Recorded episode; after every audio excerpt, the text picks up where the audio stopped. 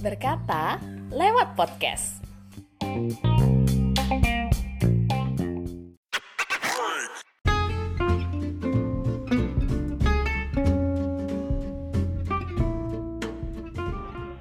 Aku selalu takjub dengan pasangan yang bisa menjalankan long distance marriage. Karena pasti pasangan punya bonding yang kuat banget. Di episode berkata lewat podcast kali ini kita akan membahas tentang long distance marriage. Sudah tersambung uh, salah satu pejuang long distance marriage yang energik, cerdas dan juga kuat yang story-nya selalu menginspirasi perempuan-perempuan lainnya dan juga merupakan bagian dari salah satu BUMN di Indonesia. Halo Mbak Ajeng. Halo, Assalamualaikum semuanya. Waalaikumsalam. Apa kabarnya nih? Luar biasa, baik. ya, di tengah pandemi COVID ini kayaknya sekarang salah satu blessings yang sangat mahal tuh adalah sehat. Jadi alhamdulillah sehat semuanya sekeluarga. Alhamdulillah. Oh, Oke, okay. sebelumnya terima kasih loh Mbak Ajeng di tengah-tengah kesibukannya meeting, ngurus anak dan segala macam masih mau diundang di berkata lewat podcast. Iya, ini sambil meeting nih tapi aku mute.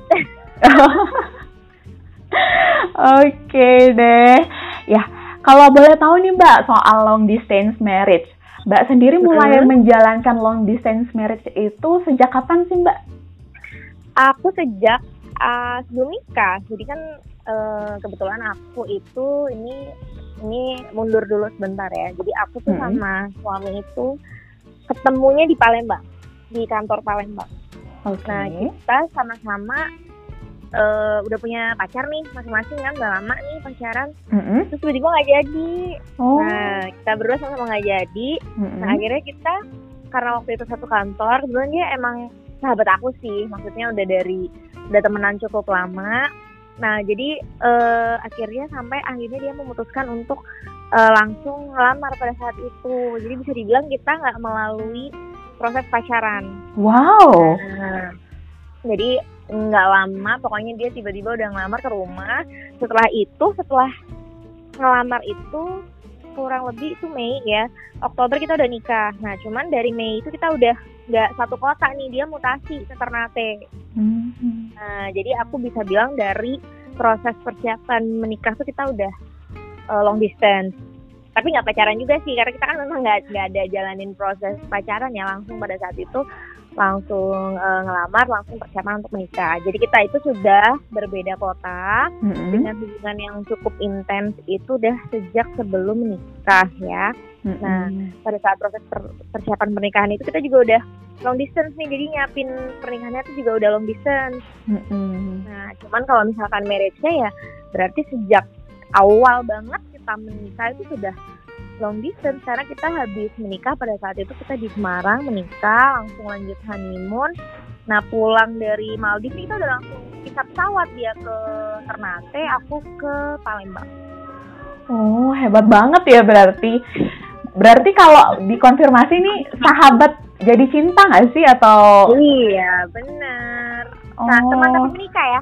Oh iya kayak judul film ya.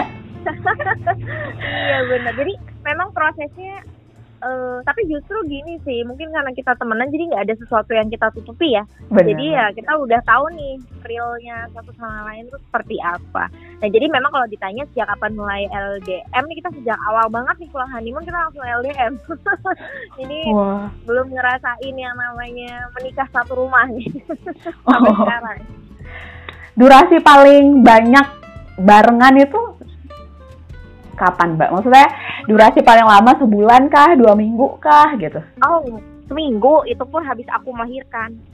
Jadi Wah. habis aku melahirkan itu dia seminggu lah di Palembang, terus langsung balik lagi ke hmm. kota penugasannya dia. Hmm, kuat di banget Ternate. Sih. Iya, jadi aku begitu habis dia uh, ke Ternate balik, mm-hmm. sama aku datang seminggu. Jadi aku cuma dua minggu nih ditemenin orang terdekat habis itu sendiri.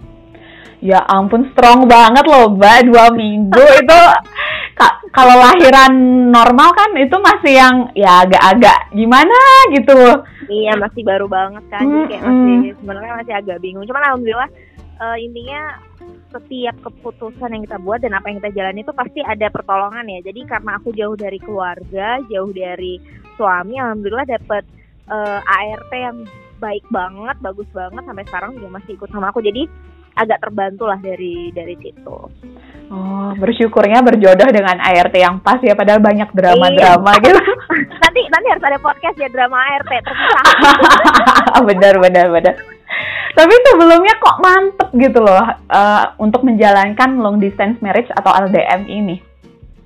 Karena gini sebenarnya kan sebenarnya ya LDM hmm. itu kan keputusan yang dibuat oleh keduanya. Maksudnya adalah sebelum menikah pun orang tua kita berdua tuh udah ngasih tahu ya ini terserah nih mau seperti apa kalian yang menjalanin intinya gini kalau aku kan pada saat itu memang uh, pas kita berdua nikah itu pada saat benar-benar aturan boleh menikah sesama pekerja di Pertamina disahkan oh. jadi salah satu dari kita nggak perlu keluar nih mm -hmm. nah dan tahu sendiri ya susahnya seleksi masuk uh, eh, BUMN pertama di company aku sama suami itu kan mm -hmm. susah banget gitu jadi kita sama-sama istilahnya di tahap yang aduh gimana ya kalau kita harus resign kayaknya kita masih butuh pemikiran yang jauh lebih panjang gitu kan yeah. nah jadi akhirnya kemarin kita memutus apalagi dengan benefit nggak usah keluar gitu karena biasanya kalau mau nikah sesama harus keluar salah satu dan ini mm -hmm. kita enggak gitu loh mm. jadi ini mungkin salah satu benefit yang orang nggak terima juga kan di masa-masa sebelumnya iya yeah. jadi kita akhirnya mikir ah sudahlah akhirnya uh, kita coba dulu jalanin karena kan kita udah bisa punya pekerjaan penghasilan seperti sekarang ini kan perjuangannya juga nggak mudah Betul. dan ini juga hal yang mungkin diinginkan banyak orang kok kita melepasnya itu kan sulit ya maksudnya hmm. uh, ya ini aku juga ini ininya pilihan ya kan ada nih pilihan ibu pengen jadi full ibu rumah tangga kan ada juga mm-hmm. yang mau pengen full jadi stay at home mom itu juga nggak apa-apa itu hak gitu kan mm-hmm. cuman kalau aku pilihan aku sama suami akhirnya ya udah kita coba jalanin untuk bekerja dan um, kita coba dulu nih kita analisis dulu nih uh, plus minusnya seperti apa gitu kan mm-hmm. jadi akhirnya kita berdua memutuskan ya udah kita coba jalanin jadi yang memantapkan hati untuk LDM itu ya karena again kita mikir bahwa ini keputusan kita yang ambil jadi segala risk and benefitnya harus kita tanggung bareng nih. Dan uh, setelah kita jalanin uh, beberapa waktu gitu kayaknya oh bisa nih. Karena kan kadang juga mungkin suami aku walaupun di Indonesia Timur kadang ada acara di Jakarta atau apa kita bisa saling samper hmm. atau saling nyamperin waktu dinas dan lain sebagainya intinya kesempatan untuk bertemu itu uh, masih banyak gitu kan terus juga hmm. kita uh, mikirnya kalaupun keluar nanti ada hal yang harus kita korbankan itu untuk saat ini kita bisa nggak dengan kondisi kayak gitu jadi akhirnya kita memutuskan untuk ya udah kita coba untuk LDM dan yang memantapkan hati lagi tuh karena kita saling percaya sih sebenarnya jadi ketika kita punya suatu decision misalnya mm -hmm. untuk LDM ya harus ada trust dulu di situ karena kalau aku lihat beberapa teman-teman aku yang LDM mungkin sering cekcok dan lain sebagainya karena ya emang nggak ada trust di antara mereka ya itu nggak akan jalan gitu kan mm-hmm. jadi memang harus ada trust di antara keduanya yang nantinya bisa memantapkan hati dan siap langkah untuk satu LDM gitu. Oh gitu. Berarti prinsipnya percaya gitu ya. Prinsip LDM yeah. itu percaya aja. Kalau bahasa yeah. sendiri ada nggak sih beda kalau kita yang nggak LDM misalnya nih. Kita kan bahasa cintanya kayak uh, misal surprise atau apa gitu. Kalau pasangan LDM adakah yang berbeda dari bahasa cintanya? Pasti iya ya, karena gini kita nggak physically, um, kita nggak ada physical contact ya sama kita uh, eh, LDM itu. Jadi mm -hmm. yang bisa kita perkuat itu adalah komunikasi via telepon, via WhatsApp, video call dan lain sebagainya virtual lah. Mm-hmm. Jadi karena kita nggak bisa nih, kadang kan kalau orang berantem pagi, malam bisa baikan ya secara tidurnya sebelahan, mm-hmm. bisa ngobrol eye to eye gitu kan. Mm-hmm. Jangan kalau LDM tuh kadang kita WhatsApp apa, nadanya gimana, sana bacanya gimana.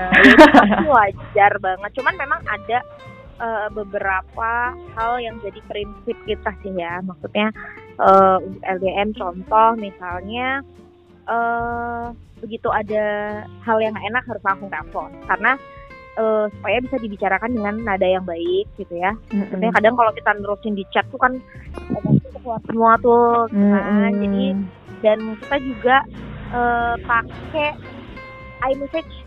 Kita pakai Oh. salah satu prinsip iMessage ya dalam rumah tangga nih. Mm-mm. Jadi gimana menyampaikan sesuatu yang negatif mungkin kita merasanya, tapi dengan cara yang positif, Mm-mm. dengan menjelaskan dulu kondisinya seperti apa, terus apa yang nggak kita suka dan solusinya gimana nih biar eh, nggak enak gitu. Contohnya misalnya kayak eh, kalau negatif tuh kayak kamu kok nggak balas-balas WhatsApp sih ke mana sih ngirim iya. foto, eh misalnya kayak gitu. Tapi kita bisa ganti dengan, aduh ayah tau nggak sih waktu ayah tadi nggak balas-balas tuh aku sedih sebenarnya. Oh. Eh, kenapa gitu? Kenapa tadi nggak nggak nggak bales ada kerjaan kah atau apa? Terus nanti solusinya gimana nih? Kalau sibuk mungkin bisa ngabarin dulu kali ya misalnya WhatsApp sibuk bentar ya atau apa. Jadi kita tahu nih pasangan kita lagi nggak available untuk ngobrol. Ini ya kayak gitu sih. Jadi memang kita harus perkuat komunikasi virtual dengan cara yang baik supaya tetap bisa harmonis nggak kalah sama yang teman-teman non LDR Iya benar. Malah yang kadang non LDM nggak kepikiran ke situ loh mbak. Aku pas denger ini langsung oh iya ya bisa jadi gitu. Iya, jadi teknik komunikasi. Jadi aku pun sering ikut eh, beberapa kelas dan aku pun eh, konsul ke psikolog. Oh. Jadi karena menurut aku ke psikolog itu bukan berarti kita sakit ya. Misalnya kita Mm-mm. bisa kok sharing tentang apa pun. Jadi aku pun pernah ngalamin yang namanya apalagi waktu kemarin awal-awal punya bayi itu kayak postpartum depression, Mm-mm. terus apalagi jauh dari suami kan pasti stres banget. Terus misalnya pandemi covid ini pun membawa perubahan yang cukup besar buat aku karena empat bulan nggak ketemu pasangan itu kan pasti eh, gejolak banget ya Iya. dan aku konsul sama eh, psikolog terkait dengan eh, apa yang aku rasakan terus perubahan yang terjadi misalnya aku ngerasa jadi marah-marah terus terus apa hal kecil yang dilakuin suami itu jadi gede gitu kan dia tuh dikasih saran juga salah satu sama eh, psikolog tentang iMessage itu dan itu aku praktekkan dan alhamdulillah emang efeknya lumayan banget nih terutama buat teman-teman LDM yang hanya bisa berkomunikasi secara virtual gitu. Ilmunya banyak banget ini Mbak Ajang. Berarti curhatlah pada orang yang tepat ya intinya Mbak ya.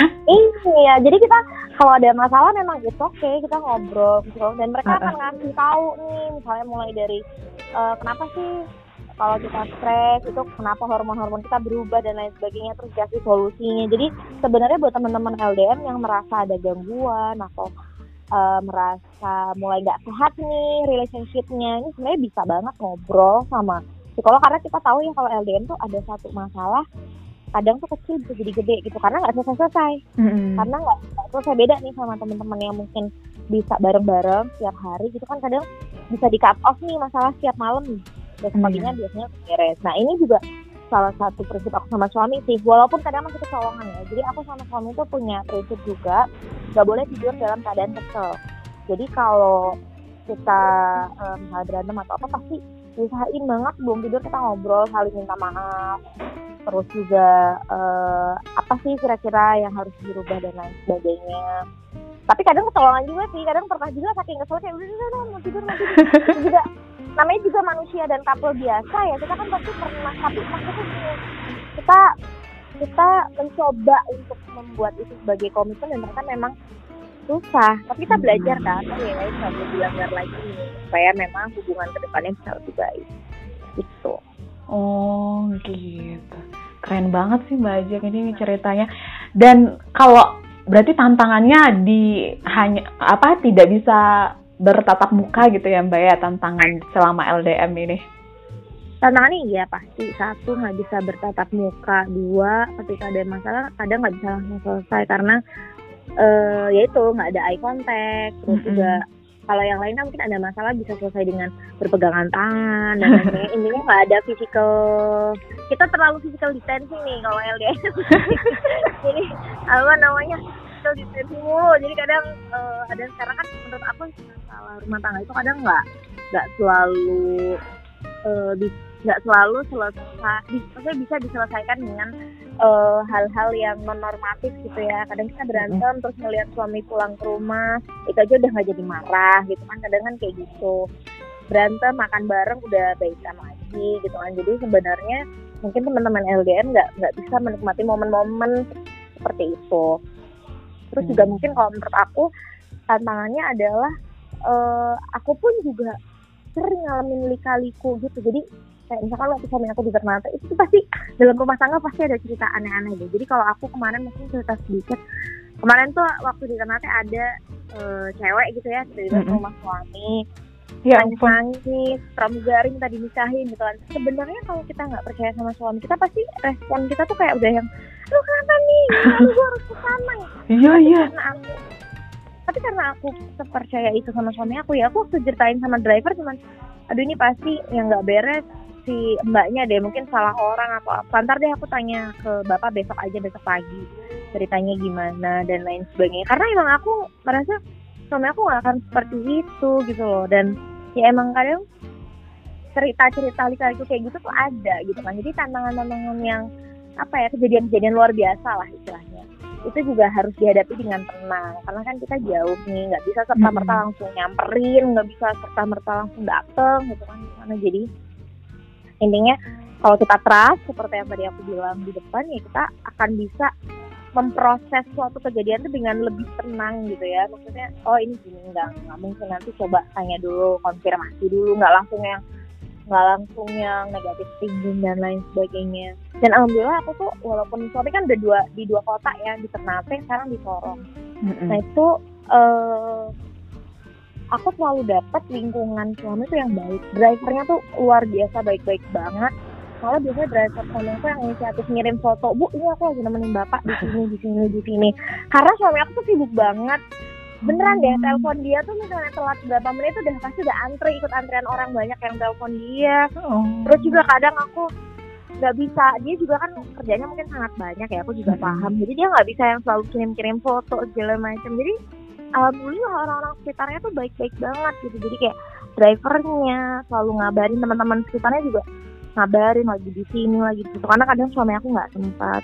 Jadi intinya tantangannya mungkin eh, banyak kejadian-kejadian eh, yang mengguncang kondisi dan relationship kita tapi bisa dihadapi dengan trust itu sendiri tantangan lainnya mungkin ketika ada masalah kita nggak bisa menyelesaikan secara langsung Eh, hanya bisa diselesaikan secara virtual ya by chat by phone by video call jadi di situ tuh ada yang bikin gregetan gitu kayak aduh gitu kan Mm-mm. jadi eh, apa namanya harus memang banyak-banyak eh, sabar. Terus juga mungkin tantangannya saling nyalahin satu sama lain. Pasti ada fase di mana kita tuh capek dan eh, kalimat yang lo tuh kayak ya lu lu kan nggak di sini gitu kan. Lu kan akhirnya saling blaming each other gitu kan. Jadi itu juga salah satu masalah sih karena istilahnya merasa paling capek selalu merasa Mm-mm. jadi pihak yang paling capek intinya itu juga tantangan eh, sebagai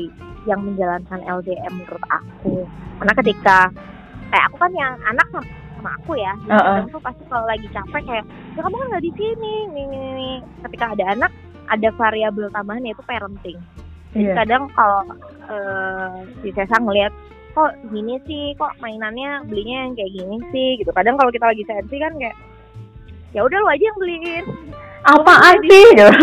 nah kan apaan sih atau misalnya lagi masak MPASI gitu terus kayak kok lauknya gini ya udah lu aja yang masakin gitu kan kadang kadang tuh eh, kayak kayak gitu tuh namanya perempuan ya capek Mm-mm. perempuan kan banyak di kotak di otaknya nih ada kerjaan kotak buat anak kotak buat rumah ngurusin kalau gas gas habis ngurusin kalau ngangkat air galon lah kalau genteng ini lah kalau ini Mm-mm. jadi banyak banget lah yang harus kita kerjain di sini dan tenaga kita juga pasti terbatas ya mood kita juga nggak selalu bagus jadi pasti eh, pernah lah terceletuk hal-hal yang kurang berkenan buat suami gitu kan.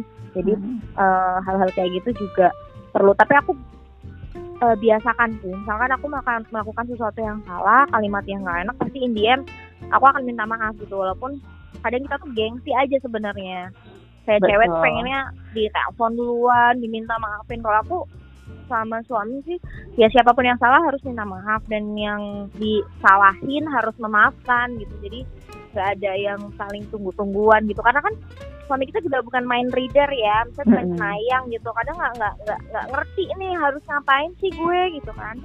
Kadang kalau aku pengen sesuatu pun aku bilang aja aku screen cap nih beliin ya transfer ke sini. Aku bilang gitu. To the point aja gitu. Hmm, to the point. Karena kalau LDM nya udah banyak banget urusan jadi nggak usah nambah-nambahin dengan yang nggak penting.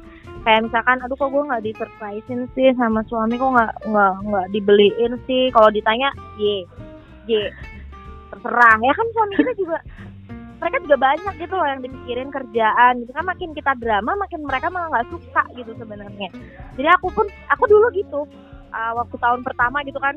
Uh-uh. kok nggak dibeliin sih? Gini gini. Terus habis itu lama-lama aku tahu karakter suami aku gitu kan. Oh dia tuh kayaknya nggak bisa deh tipe-tipe yang kayak gitu. Emang kalau kita pengen sesuatu bilang gitu kan. Ya itulah makanya mengenal pasangan kita seperti apa gitu kan jadi untuk mengurangi kekecewaanku dan mengurangi kepusingan dia. Jadi kalau aku pengen sesuatu udah tinggal kirim aku pengen ini harganya segini transfer ini udah. Kita happy suami juga happy kan kayak oh ya udah ya udah gitu kan. Dia juga nggak perlu nyari-nyari. Kadang hal kecil kayak gitu tuh kayak ngirim kayak kemarin puasa gitu ya. Mm-mm. niatnya dia bikin surprise ngirim makanan tapi aku nggak suka misalnya. Ya. Salah ya kan. Jadi intinya kalau LDM nih aku lebih mengurangi hal-hal minor kayak gitu sih. Jadi yang bisa kita eh, eliminasi dan simplifikasi kita bikin simple. Jadi ketika ada masalah-masalah yang agak ruwet nih baru tenaganya dipakai ke situ. Jadi Hmm. kayak jangan sampai banyak tenaga dan energi negatif yang keluar tapi gimana caranya kita keep eh, rumah tangga itu jadi tetap eh, sakinah mawaddah warahmah walaupun jauh gitu ya. Mm-mm. kayak gitu sih. Kayak kemarin Ramadan aku Ramadan Lebaran sendiri gitu kan Iya. tetanggaku semua at least walaupun nggak bisa mudik tapi mereka keluarga tuh lengkap gitu kan. Ayah ibu anak gitu jadi sensi juga kayak aduh kok bete sih? Gini gini gini, ya intinya pandemi ini juga ngajarin ngajarin banyak hal karena ini aku terlama nggak ketemu ya. Mm-mm. terlama banget nggak ketemu. Karena aku tuh biasanya walaupun suami aku di timur itu kita ketemu at least tuh dua minggu sekali. Malah ka- kadang seminggu sekali kalau dia emang lagi ada eh, acara dinas yang bisa mendekat ke sini atau apa Oh gitu. Berarti kalau kan 4 bulan nih nggak ketemu. 4 Mm-mm. bulan dah ketemu suami. Yang paling dikangenin apa sih Mbak? Kalau surprise-nya kayaknya enggak ya, karena kan minta minta langsung sama suami aku beli ini gitu. Tapi kalau hal lain gitu kayak aku kangen banget nih bagian ini kalau pas sama suami. sebenarnya yang paling kangen itu ngobrol sama makan bareng sama dia sih karena sebenarnya momen paling banyak eh, aku lakuin sama dia tuh kalau kita lagi makan Mm-mm. atau kita lagi jalan bareng karena suami aku tuh anaknya asik banget diajak diskusi ya tentang apa pun apalagi kita kantor ya kadang tuh ngebahas banyak hal lah soal soal kerjaan apa Mm-mm. aku minta ajarin ini minta ajarin itu sebenarnya yang aku kangenin itu sih kayak night talksnya kita lah pillow talksnya kita lah sebagai husband and wife ya Heeh. Em, paling yang aku paling kangen justru sebenarnya kan kita udah ada anak ya dan ini kan fase anak lagi banyak banget eh, progres ya di usia-usia kayak gini. Jadi sebenarnya kasihan juga sih dia karena nggak melihat banyak momen sama anaknya ya kan udah Mm-mm. kayak terakhir ketemu tuh Cairo belum punya gigi aku inget banget masih nggak berdaya. Sekarang anaknya udah lari anakku 9 bulan ya udah bisa jalan udah udah kadang lari-lari udah giginya udah mau 6 Cerdas Jadi banget anaknya kayak- Mbak ini. jadi eh tiap aku kayak kesel gitu ya sama dia misalnya kayak aduh kenapa sih nih nggak beres-beres? Gitu kan. Bro kangen banget. Dia bilang kamu tuh kangen sama satu orang loh. Aku tuh kangen sama dua orang. Dia bilang gitu. Ya benar. Kayak aku kangen sama Tessa gitu ya. Misalnya kangen Uh-uh. sama aku sama anak gitu kan. Pasti rasanya sebenarnya lebih nggak enak gitu ya. Iya. rasanya lebih nggak enak. Jadi eh, sebenarnya pasti lebih berat lah di dia gitu kan. Jadi itu sih. Tapi yang paling dikangenin sih momen ngobrol. Karena kita berdua suka banget ngobrol. Dan karena kita mungkin temenan ya dulu jadi kita tuh bisa ketawa bareng gitu kan. Ketawa bareng ngomongin apa.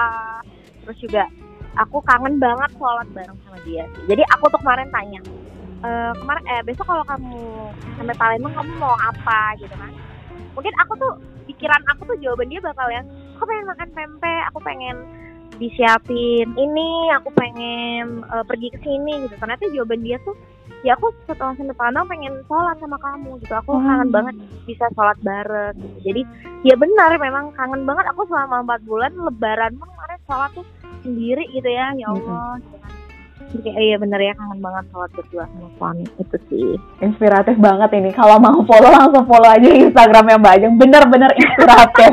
Serius. Jadi kayak sebagai perempuan mau ngeluh itu malu lihat storynya Mbak Ajeng. Jujur aja.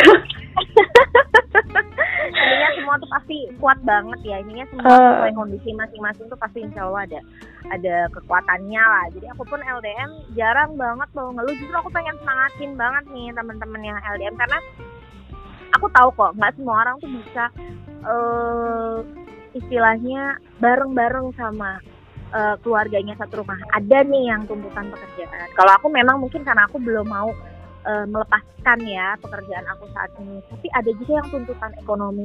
Mau nggak mau harus gitu kan. Kalau aku kan sebenarnya masih bisa tapi nggak mau gitu kan. Nah ada juga yang mau nggak mau nih.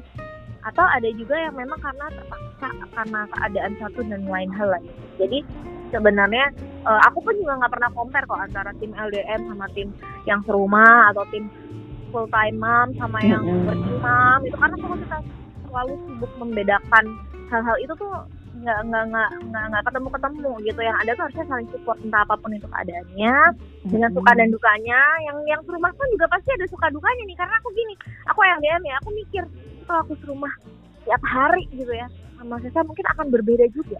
Ya tiap hari kita gitu. ketemu ketemu dengan orang yang sama yang tabiatnya nanti kan pasti makin luar ya hasilnya. Nah itu challenge juga. Jadi menurutku setiap apa ya dinamika rumah tangga dan keputusan yang diambil tuh insya Allah pasti udah ada plus minusnya lah ya Hmm. jadi intinya harus tetap semangat dengan keadaan masing-masing Nah kalau pas lelah gitu mbak, misalnya lagi ngurus Kairo, terus habis itu lagi ada meeting, banyak kemarin meeting sampai malam kayak mbak Ajeng gitu. Hmm, hmm, aduh gini makanya aku aku tuh selalu bilang ya perempuan tuh inilah istimewanya perempuan karena perempuan tuh kotak-kotak di otaknya ini banyak. Betul betul betul. jadi kalau ngomongin multitasking ini suamiku pun ngakui kok kamu bisa nih kayak habis telepon aku terus ngurusin vendor? Habis ngurusin vendor terus telepon lagi urusan eh, keperluannya Kairo telepon baby shop. Terus habis itu kamu bisa telepon ke mama kamu terus kamu ngurusin bisnis ini. Ya memang karena perempuan itu dikasih salah satu benefit salah satu kelebihan tuh multitasking dan itu harus kita manfaatkan. Walaupun kita kadang pikun. Tapi tapi at least multitaskingnya itu yang mahal. Jadi memang yang penting memang pembagian waktu ya. Mm-mm. dan eh, kita harus tahu kemampuan diri. Jadi kalau aku udah capek aku biasanya akan stop.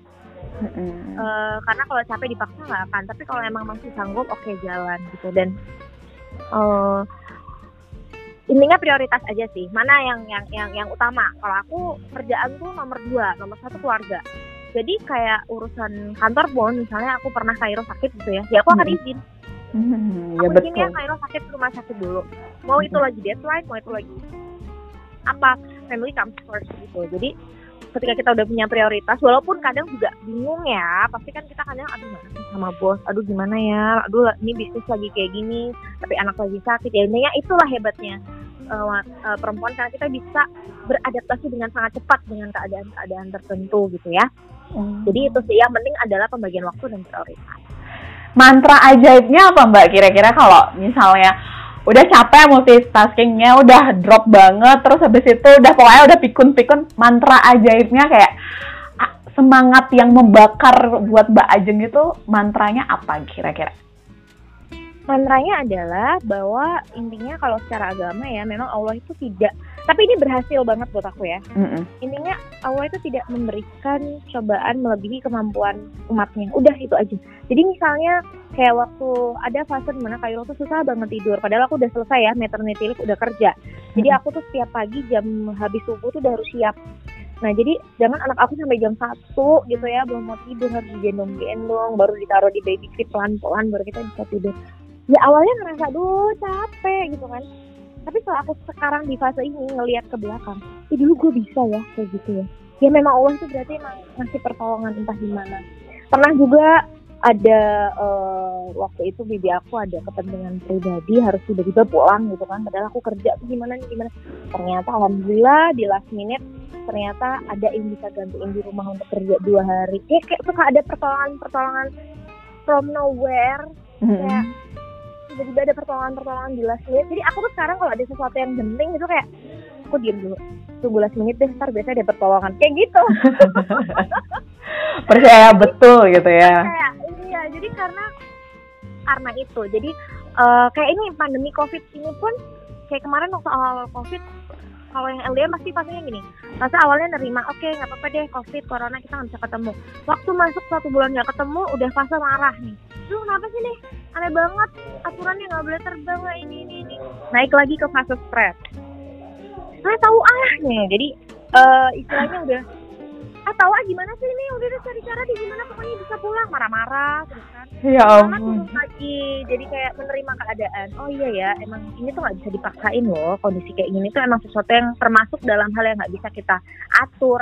Termasuk dalam eh, hal yang nggak bisa kita kontrol gitu kan. Sampai akhirnya Mm-mm. sekarang kita ngeliat empat bulan ke belakang ih ini kemarin bisa ya. Empat bulan ngurusin rumah sendiri ngurusin anak imunisasi. Ini itu sendiri.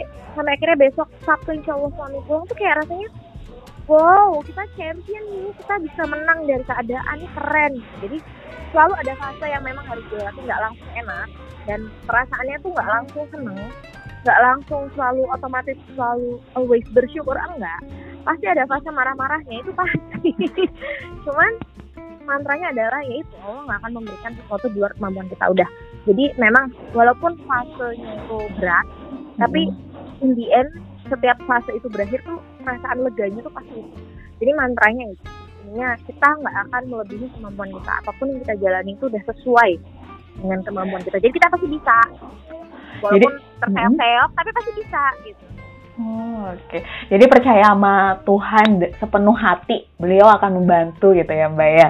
Iya benar. Ini semua agama maksudnya bisa Ah, ah. lainnya kita kita punya keyakinan ya. Jadi pasti Allah sem- keadaan kita saat ini tuh yang paling baik buat kita.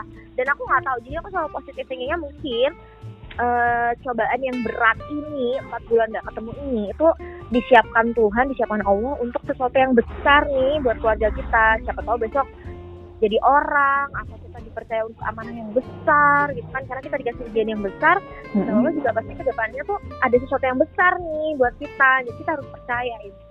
Hmm, Oke, banyak banget nih ilmunya. Tadi udah bagi-bagi tips soal kita harus positif mengirimkan pesan ke suami. Pokoknya teman-teman LDM yang denger banyak banget dapat ilmu dari Mbak Ajeng ini.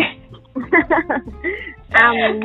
Iya, terima kasih loh Mbak Ajeng udah mau diundang di Berkata Lewat Podcast di tengah-tengah kesibukannya dan luar biasa banget ilmunya. Ini pokoknya terakhir ketemu sama Mbak Ajeng waktu itu di salah satu duta museum. betul betul dan itu mau tes Pertamina dan lolos dan sampai sekarang kerja di Pertamina. Alhamdulillah. Alhamdulillah. Ini kan rezeki nggak ke mana ya. Pokoknya Betul. setiap apa yang kita jalani itu sudah yang paling baik. Yang penting tetap produktif, Mm-mm. berpikir positif. Insya Allah kita bisa selalu punya manfaat untuk uh, orang lain. Amin. Makasih juga Amin. buat buat Bang ini udah bikin podcast kayak gini. Jadi secara langsung menebarkan banyak hal untuk orang siapa tahu nih yang denger lagi sedih, lagi butuh semangat, denger ini jadi semangat lagi. Kalau nggak difasilitasi Bang Anggi mungkin nggak nggak denger. Jadi intinya ini salah satu hal yang sangat positif, produktif dan bisa bermanfaat untuk orang. Insya Allah. Terima kasih Bang Anggi Iya. Siapa sih yang nggak bakalan semangat dengar suaranya Mbak Ajeng yang wah menggelegar untuk memompa semangat semangat para kaum LDM ini. Serius, ini kalau para kaum LDM mau kepo Instagramnya Mbak Ajeng ini pas banget. Yang nggak LDM kayak saya aja itu terinspirasi kayak misalnya lagi capek terus Mbak Ajeng update kayak harus semangat dan kayak kasih energi positif ke orang yang baca story-nya ini emang terbaik banget story-nya Mbak Ajeng untuk Insya Allah. istri-istri semua ya. Ya, harus semangat ya para bu ibu nih mau live Bener-bener. Ya sudah kalau begitu terima kasih sudah datang. Eh sudah datang ya? Nggak datang ya? Tersambung, tersambung lewat berkata lewat telepon di berkata lewat podcast. Terima kasih Mbak Ajeng. Sehat selalu. Salam sama suami dan Kairo. Iya, salam juga buat keluarga ya salam buat teman-teman semua Iya.